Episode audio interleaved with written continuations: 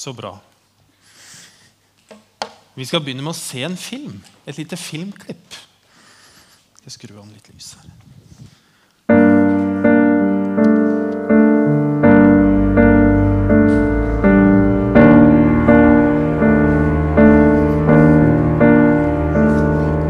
My life is so successful. I got everything a man could ever need. Got a thousand dollar haircut, and I even have a talk show on TV. And I know I should be happy, but instead. There's a question I can't get out of my head.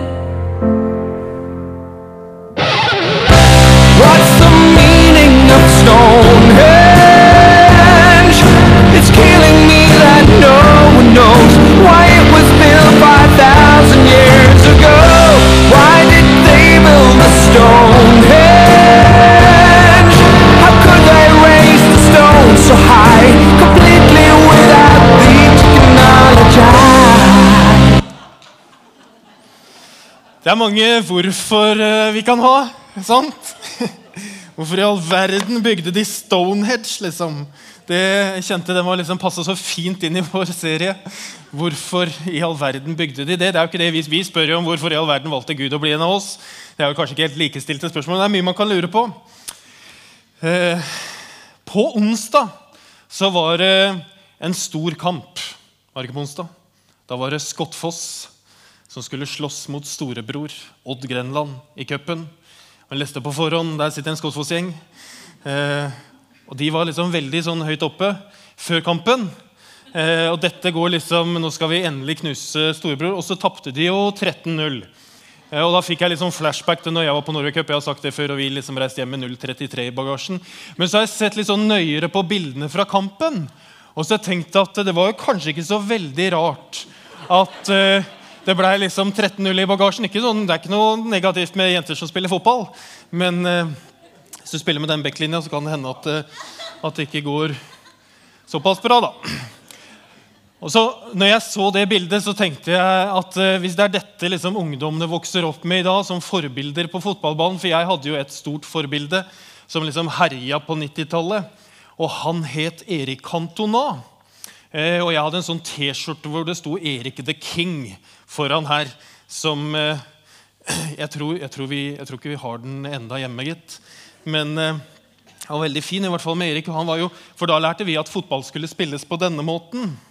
Hvor vi liksom tok også skuespillerne, nei, tilskuerne i bruk for å, for å treffe. Så det er liksom Erik Cantona, kongen. Eh, jeg så at det ikke var så mange som lo av den vitsen av Erik Cantona, men det, det skal jeg jobbe mer med det til neste gang. Rett og slett. Eh, hvorfor, spør vi. Hold deg liksom til manus, Martin.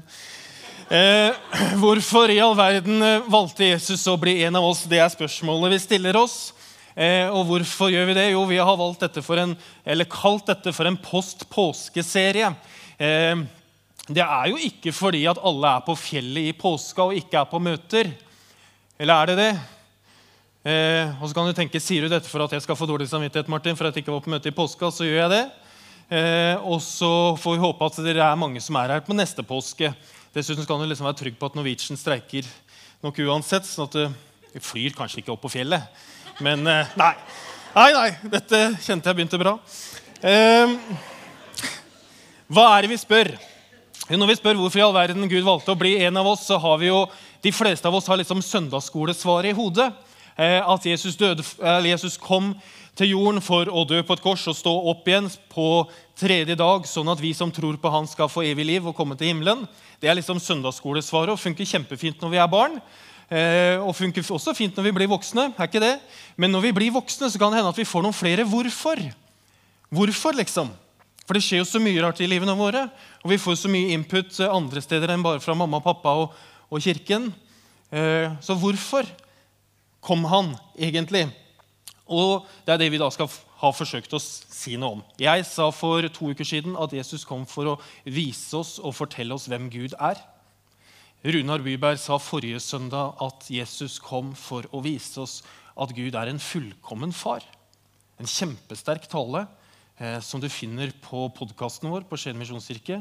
Eller hvis du søker der, og så finner du også på skienmisjonskirke.no. Den anbefaler jeg å høre et par ganger, for den er kjempesterk når Runar taler om Gud som far. Men i dag så skal jeg snakke litt om eh, religion og Jesus. Så skal jeg bruke begrepet religion ganske mye, egentlig. Og da bruker jeg religion som en sånn fellesbetegnelse for ulike trossystemer som forutsetter at virkeligheten er mer enn det rent fysiske. Det er det vi snakker om. Eh, fordi det finnes jo mange religiøse mennesker og det finnes jo som tror på Gud og guder og på overnaturlige og utenomjordiske vesener. Eh, men så er det et fellestrekk for alle religioner. Og det er at de forsøker å gi et svar på livets store spørsmål, på våre undringer eh, om livet. Eh, F.eks.: Hva skjer når jeg dør? Vil jeg møte bestemor igjen? Hvordan ser himmelen ut hvis det fins en himmel? Hvor stor er den? Er det plass til meg? Vil jeg se ut som jeg pleier? liksom? Vil jeg ha mindre mage og, og lengre hår? Eller hvordan, hvordan, ser jeg ut? Og så er det noen som lurer på, man, Er det liksom godteri i himmelen? Kan man spille golf der, lurer Torbjørn på. Og noen av oss lurer på, er det liksom bergenser i himmelen nå? nå? Så det er jo det er mye man kan lure på. Og alle religioner forsøker da å gi svar på disse spørsmålene. Og så har alle religioner noen dimensjoner. fordi Alle religioner har noe som heter doktriner, som liksom handler om hva vi tror på. eller hva de tror på. Og så er det alltid noen myter og historier knyttet til dem. Og så blir dette satt sammen i en systematikk ofte, og så kaller man dette for en systematisk teologi, som jo handler om at alle spørsmål alle utfordringer og alt man lurer på, blir systematisert og blir besvart på en måte som gjør at vi ser sammenhengende, altså det store bildet, og får besvart de spørsmålene vi har. Henger dere med? Det er bra. Så har man, Alle religioner har noen prinsipper og lover og retningslinjer, noe moral og etikk. Eh, også, også et annet fellestrekk er at alle religioner stort sett gir oss et sikkert holdepunkt i en usikker verden. Hva mener jeg med det? For eh, det er veldig mange år siden, men for noen år siden så jobba jeg på Ullevål universitetssykehus eh, på en traumeavdeling. Og der jobba jeg med eh, en del psykologer som hadde vært i For det var en tsunami i Thailand på en første juledag for noen år siden. Og så hadde de, mange av de psykologene hadde vært der eh, sånn rett umiddelbart etterpå og behandla og fulgt opp disse ofrene. Eh, og så hadde de eh, fulgte de opp når de kom hjem, og så drev de litt sånn og forska på dem. Eh, og Rett før jeg slutta, så konkluderte de denne forskningen. Og en av konklusjonene fra den eh, forskningsrapporten var at av de som, de som hadde klart seg best etter tsunamien, altså ofrene, var, var de som hadde en muslimsk tro. Fordi i en usikker og en kaotisk verden så kan en religion og et religiøst ståsted og tro i et sikkert og fast holdepunkt.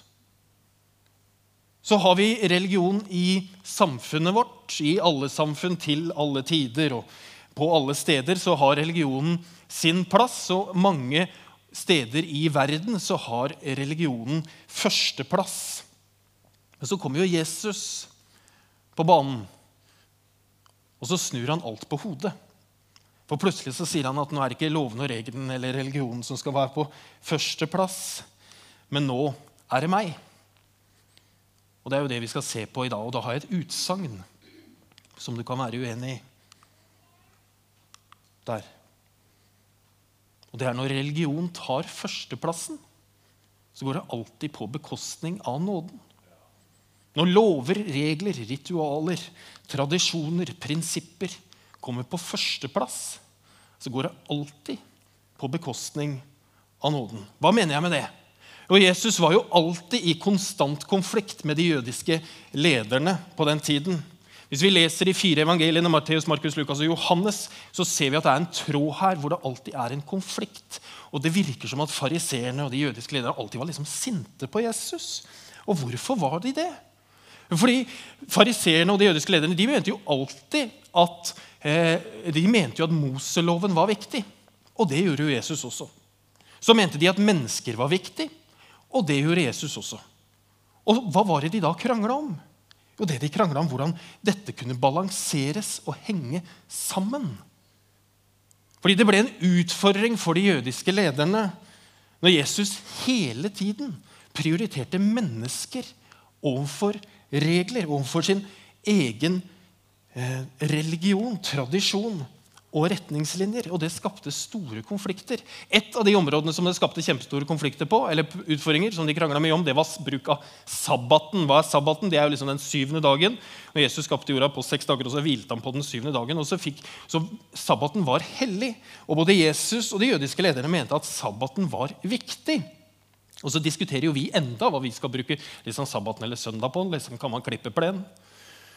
Eller kan man jobbe, liksom? Eller skal vi ha søndagsåpne butikker? Og dette, denne talen her, et flammende innlegg for å ha søndagsåpne butikker? Nei, det er ikke det. Det er, det er ikke det, verken det ene eller det andre. Men for å holde sabbaten, for å hjelpe det jødiske folket, så hadde fariseerne kommet opp med masse lover og regler for å hjelpe folk til å holde sabbaten. Eh, og For at de skulle klare å holde Guds bud om å holde hviledagen hellig.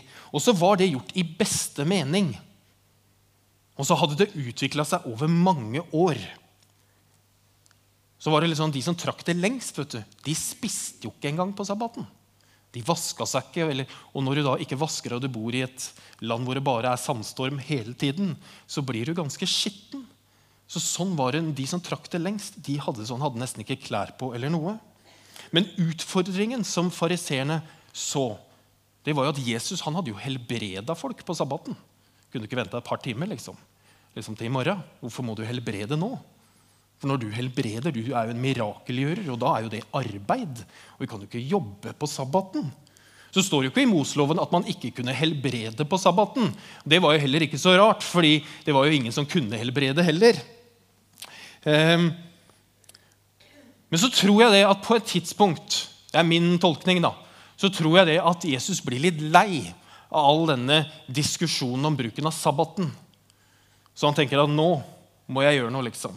Og så er det en historie hvor Jesus og disiplene de går langs en kornåker.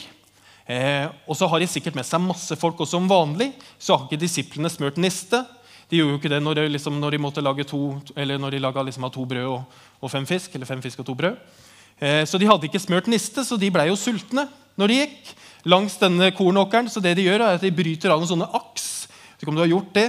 Jeg har en kompis som har, går og tresker, og sånt, så da kan man liksom etterpå gå og spise disse aksene eller det som er igjen, som, som man liksom kan spise. Da. Så det var det de gjorde. Skal vi lese hva som står.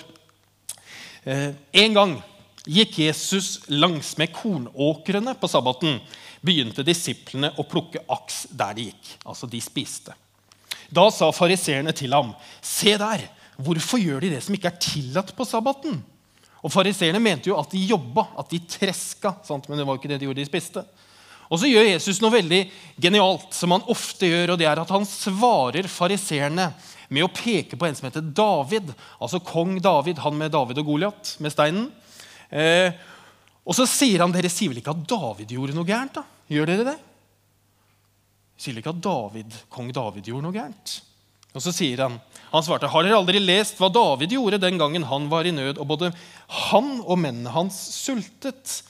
Han gikk inn i Guds hus den gangen Abiatar var øversteprest, og spiste skuebrødrene brød, Ikke brødrene, men skuebrødene, som ingen andre enn prestene har lov til å spise, han ga også til dem som var med ham. Og så sier Jesus det som er liksom hovedsetningen i den talen her. Og så sier han noe som gjør at vi kan tenke hva, hva er viktigst? Er det religion, eller er det Jesus? For det Jesus sier, er sabbaten ble til for mennesket, ikke mennesket for sabbaten. Derfor er menneskesønnen også herre over sabbaten. Så hva er sabbaten til for? Er den til for mennesker? Eller er det mennesker som er til for sabbaten? Det var ikke sånn at Gud hadde skapt masse lover. Og så tenkte han nå må jeg ha noen mennesker til å holde disse lovene. Nå må jeg skape noen mennesker som kan holde de lovene jeg laga. Det var ikke sånn det var. Men for Gud er loven viktig. Og så er mennesker viktig. Og loven skulle jo være til hjelp. Det skulle jo ikke være til forbannelse. Loven ble jo til for menneskers beste, for at det skulle være til det gode. Og så var Problemet at fariseerne i mange mange år hadde satt liksom loven over menneskene. Og så tenker jeg hva gjør jeg, da? Er jeg en regelrytter som står på prinsippene mine og reglene uansett? Hva setter jeg øverst? Jesus han var jo drevet av omsorg for mennesker. Han var ikke drevet av omsorg for religion eller teologi eller tradisjon. Så jeg har laga et lite rim som kommer nå. Sagt på en annen måte Jesus tillatt aldri at teologien kom i veien for diakonien. Å, den er fin. Jeg er ikke veldig god på dikt. Jeg vet ikke hvordan eh, det er med deg, men jeg ble ikke pappa for at, skulle, for at jeg trengte noen som skulle holde reglene mine. Ble du det? Og så har jeg tenkt mye på hva som gjør gode foreldre til gode foreldre. Eh, og dette er jeg ganske opptatt av, i og med at jeg er pappa til to, og så kommer en i august. Eh, så da er jo lurt å tenke på det, og derfor har jeg lånt litt, eller stjålet litt, eller hva man sier, fra en som heter Andy Stanley, som er en pastor i USA. og Han sier når han spør hva gjør gode foreldre til gode foreldre, så svarer han at de har regler. Gode foreldre har regler, men de går bort fra reglene når det er til det beste for dem, altså for barna. Så har jeg prøvd å tenke på noen sånne veldig gode eksempler fra mitt eget liv hvor dette er sant, og så har jeg slitt litt med å finne det. Men jeg har noen som jeg tenkte at jeg skulle teste ut. Og så får dere legge godvilja til. Men Samuel han er liksom vår førstefødte. Eh, han er jo sju år nå, snart åtte. Og når han eh, var baby, så hadde jeg lest i mange sånne babybøker. Jeg hadde jo lest meg opp masse på babybøker, hvor jeg bl.a. hadde lest at det var viktig med rutiner. Så når Samuel skulle legge seg, så var det liksom, det var, det var da det. Om vi var i middagsselskaper eller på besøk, eller om vi var i Vi var kanskje ikke i kjerka da, men, men hvor vi var liksom, altså på den tida når han skulle legge seg, så var det, da var det natta. da, Uansett. Så Samuel han har en sånn tidsinnstilt klokke nesten. Hadde det i hvert fall veldig lenge om at nå var det natta. liksom. Men av og til så kunne jeg si Vet du hva, Samuel? I kveld skal du få være lenger oppe. Ja, men hva med det er jo ikke sånn det hva med reglene? liksom? Nei, men i dag så skal du være lenger oppe. Så har jeg også en sånn greie på at uh, Samuel er også med i Kor Beam, uh, som er hver eneste onsdag. Og vi har sagt at du skal gå der hver eneste onsdag. Jeg har ikke lyst hver eneste onsdag, men liksom, det skal du, sånn er jeg ferdig med det. Litt sånn, Det virker som vi er veldig dikt diktatoriske hjemme, men, men men så kan det hende at jeg kan si vet du hva, Samuel, i dag så har det og det skjedd på skolen. I dag så vet vi noe om hva som har skjedd rundt deg, så i dag så skal du ikke være hjemme. Nei, skal du ikke på korbim. I dag så skal du være hjemme, og så skal vi kose oss hjemme i stedet. Og så er det jo sånn for alle barn at man skal jo på skolen hver eneste dag. Det er jo ikke noe valg, det.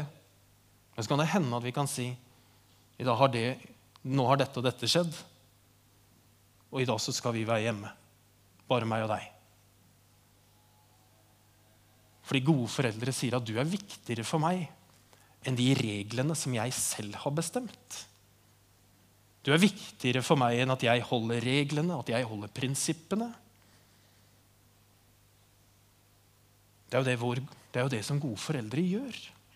Og så er det også det som vår himmelske far gjør for oss. Det var derfor Jesus kom. Og skulle jeg ønske at vi kunne si til alle vi møter, at du er mye viktigere for meg enn min egen overbevisning, enn mine prinsipper, enn min etikk og moral. Du er mye viktigere for meg. Så ikke la din overbevisning overse et annet menneske.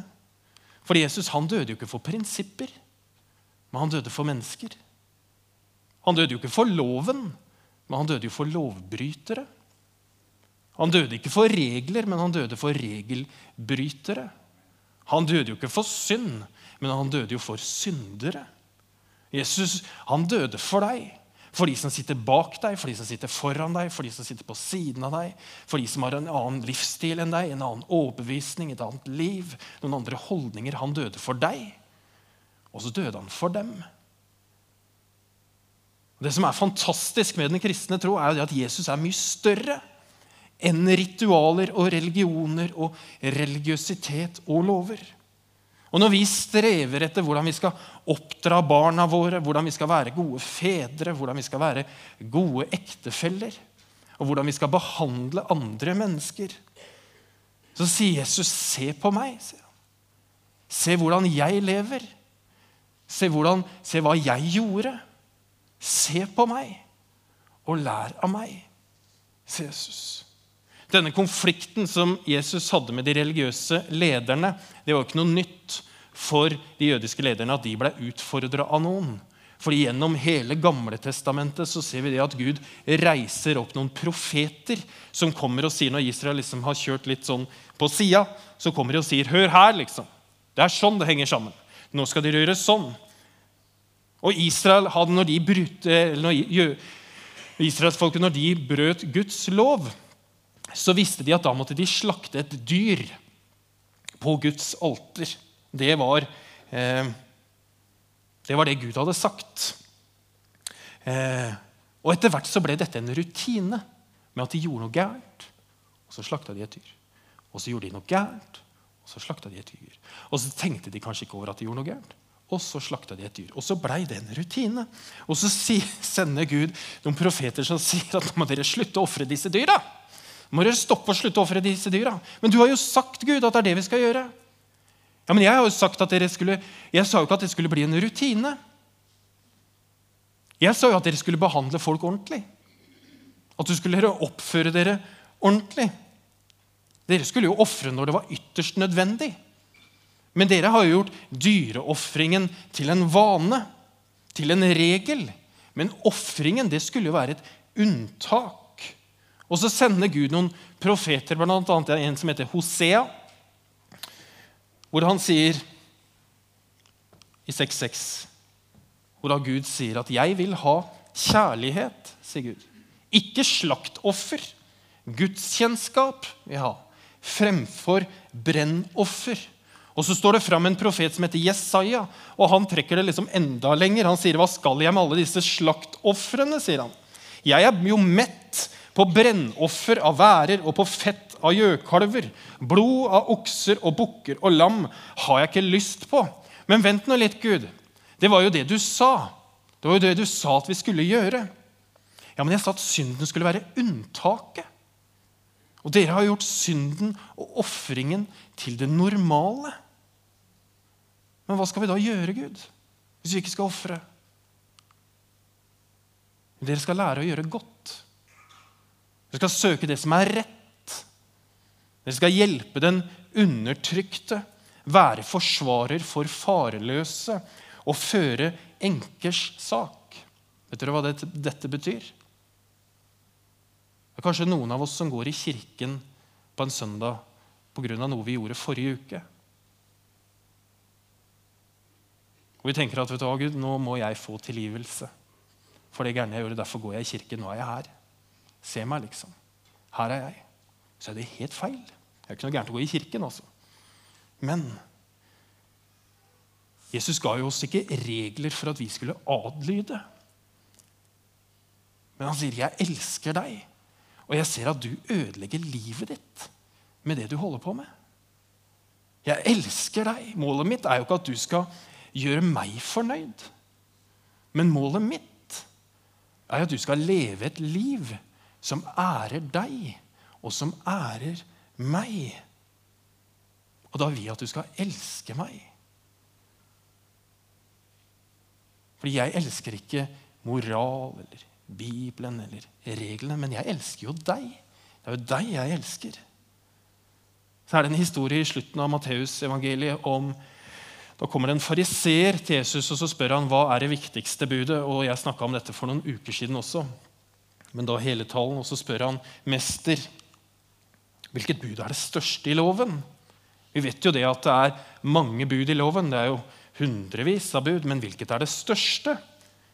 Og Så svarer Jesus, du skal elske Herren din Gud av hele ditt hjerte og av hele din sjel og av all din forstand. Dette er det største og første budet. Og dette er jo tilsynelatende ganske enkelt bud. For dette budet her er det jo ingen andre som ser. Dette er jo bare deg som ser. Og Gud, da. Så da er det litt sånn Ja, det, det skal vi nok klare å holde. Og så sier han så er det ett til. Og det andre er like stort. At du skal elske de neste som deg selv. Og på disse to budene hviler hele loven og profetene. Er det sant at det er noen som er større enn de andre? Ja, det er det. Det er to.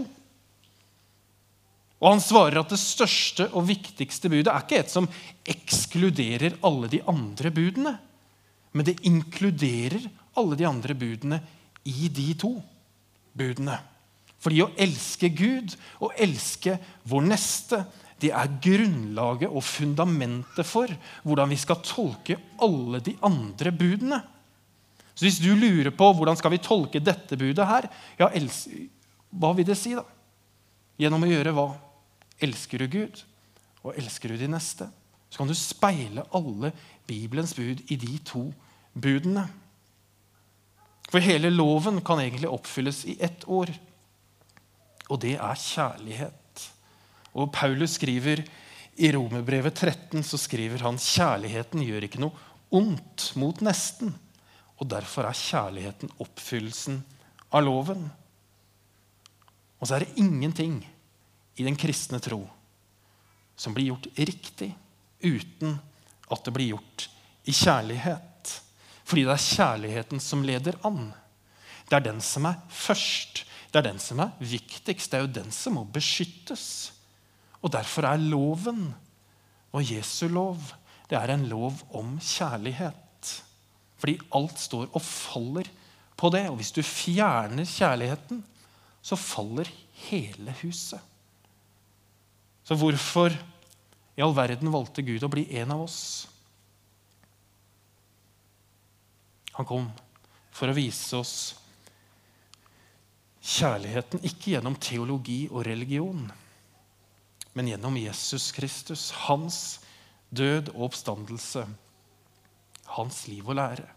De er liksom kompendiet til Bibelen. Det Det er oppsummeringen. At hvis du lurer på hvordan dette er, så er det sånn. Derfor kom Jesus. Og så tenker jeg, hva gjør vi da? Hva gjør vi nå, liksom? Når vi har fått svar på dette? Fordi vi har jo alle ulikt ståsted. Vi kommer jo fra forskjellige steder og skal forskjellige steder etterpå. Vi kommer fra forskjellige tradisjoner og forskjellige retningslinjer. Hva gjør vi nå? Og så tenker jeg Det viktigste for meg er at du vet at Jesus ønsker å møte deg der du er. Ikke der du skulle ønske at du skulle være. Eller ikke der du tenker at det er rett at du skulle være. Eller hvis jeg skjerper meg litt, liksom, så er jeg der. Nei. Jesus ønsker å møte deg der du er. Akkurat der du er. Og så har jeg tenkt at vi skal Jeg tenker det. At vi skal gjøre noe som vi vanligvis ikke gjør. Hvis du er ny her og ikke har vært her før, så, så uh, pleier vi ikke å gjøre dette.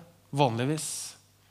Men jeg har tenkt at når vi nå skal gå mot avslutning, så uh, vil jeg at vi skal lukke øynene alle sammen.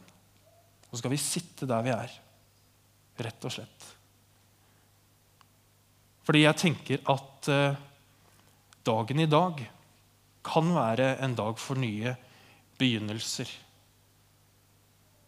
Hvor vi ser på alt det vi har gjort, alt det vi er oppvokst i, alle historier vi har med oss. Og så skal vi tenke vet du hva, Jesus, nå kommer jeg akkurat sånn som jeg er. Så skal vi lukke øynene, alle sammen. Så er den som ser deg nå, det er Gud. Han vet hvor du sitter, og han vet hvor du er. Og så tenker jeg at kanskje dette er dagen for å bare løfte en arm og si vet du hva, Jesus, jeg ønsker å tilhøre deg. Jeg ønsker å tro på deg. Jeg ønsker å vandre med deg. Og jeg ønsker at du skal lede meg der jeg er. Hvis du er der, så kan du bare løfte hånda di som et symbol på det. Og det jeg ønsker å vandre med deg og leve med deg. Gud velsigne dere. Gud velsigne dere. Og så er dette en ny start og en ny begynnelse, og Gud velsigne deg. Og så vil jeg at vi skal slutte med å be sammen, litt som vi gjør på en barneleir. Og jeg ber en setning, og så ber du dere sammen etter meg. Far i himmelen. Takk for at du sendte Jesus til verden. For at jeg skulle se og høre hvem du er. Takk for at jeg kan tro at det er sant. Jeg tror på deg, Herre. Takk for det livet som du har gitt meg. Lær meg å leve til din ære. I Jesu navn. Amen. Da skal vi synge, da skal vi synge en sang sammen. Og så kan du bare sitte der du er og lytte. Og så skal vi straks feire nattvær sammen. Gud velsigne deg.